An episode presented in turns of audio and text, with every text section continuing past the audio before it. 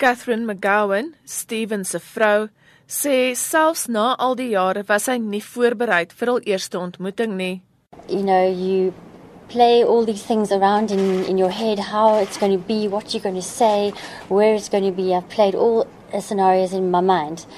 And this is not how it happened. So, yeah, so he came out and he looked at me and sort of said, Wow, your hair's grown. but I said, Well, actually, your hair's longer than mine now. sy het gesê sy het probeer om nie hoop te verloor nie. Hope is a funny thing. You're hopeful and then you get bad news. You are despondent, but yet you still have hope. And you get, get back on track again and then you believe he's going to come home and then he, he doesn't. But you still keep believing. McGowan se pa Malcolm sê sy seun is gesond. I'm pleased to say that my son is looking well and very healthy, and his mind seems as sharp as ever. It was a big surprise when Stephen walked through the door or the first meeting.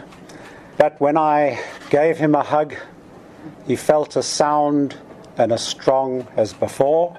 So he was well treated up there. Obviously, the joy of the, of the miracle that happened, it's, we can't describe it. Hy sê sy seun moes die naweek hoor dat sy ma in Mei die jaar oorlede is. I think we try to keep my wife going by continually saying he's coming home, he's coming home. But it didn't quite work out the way we wanted. Mm. So we've had to simply say to Stephen, you know, a lot of water's passed under the bridge, but you're strong. You've got to get up and you've got to just do. You've got to carry on your life and you make the best of what it is. Every experience in life has benefits.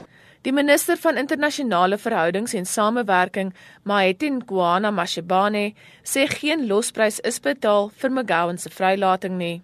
We pay no ransoms. We believe in collaboration and cooperation even during difficult times. That's what our government and our department is about. But this time around it was cooperation and collaboration with the family and them allowing us to say it might take long.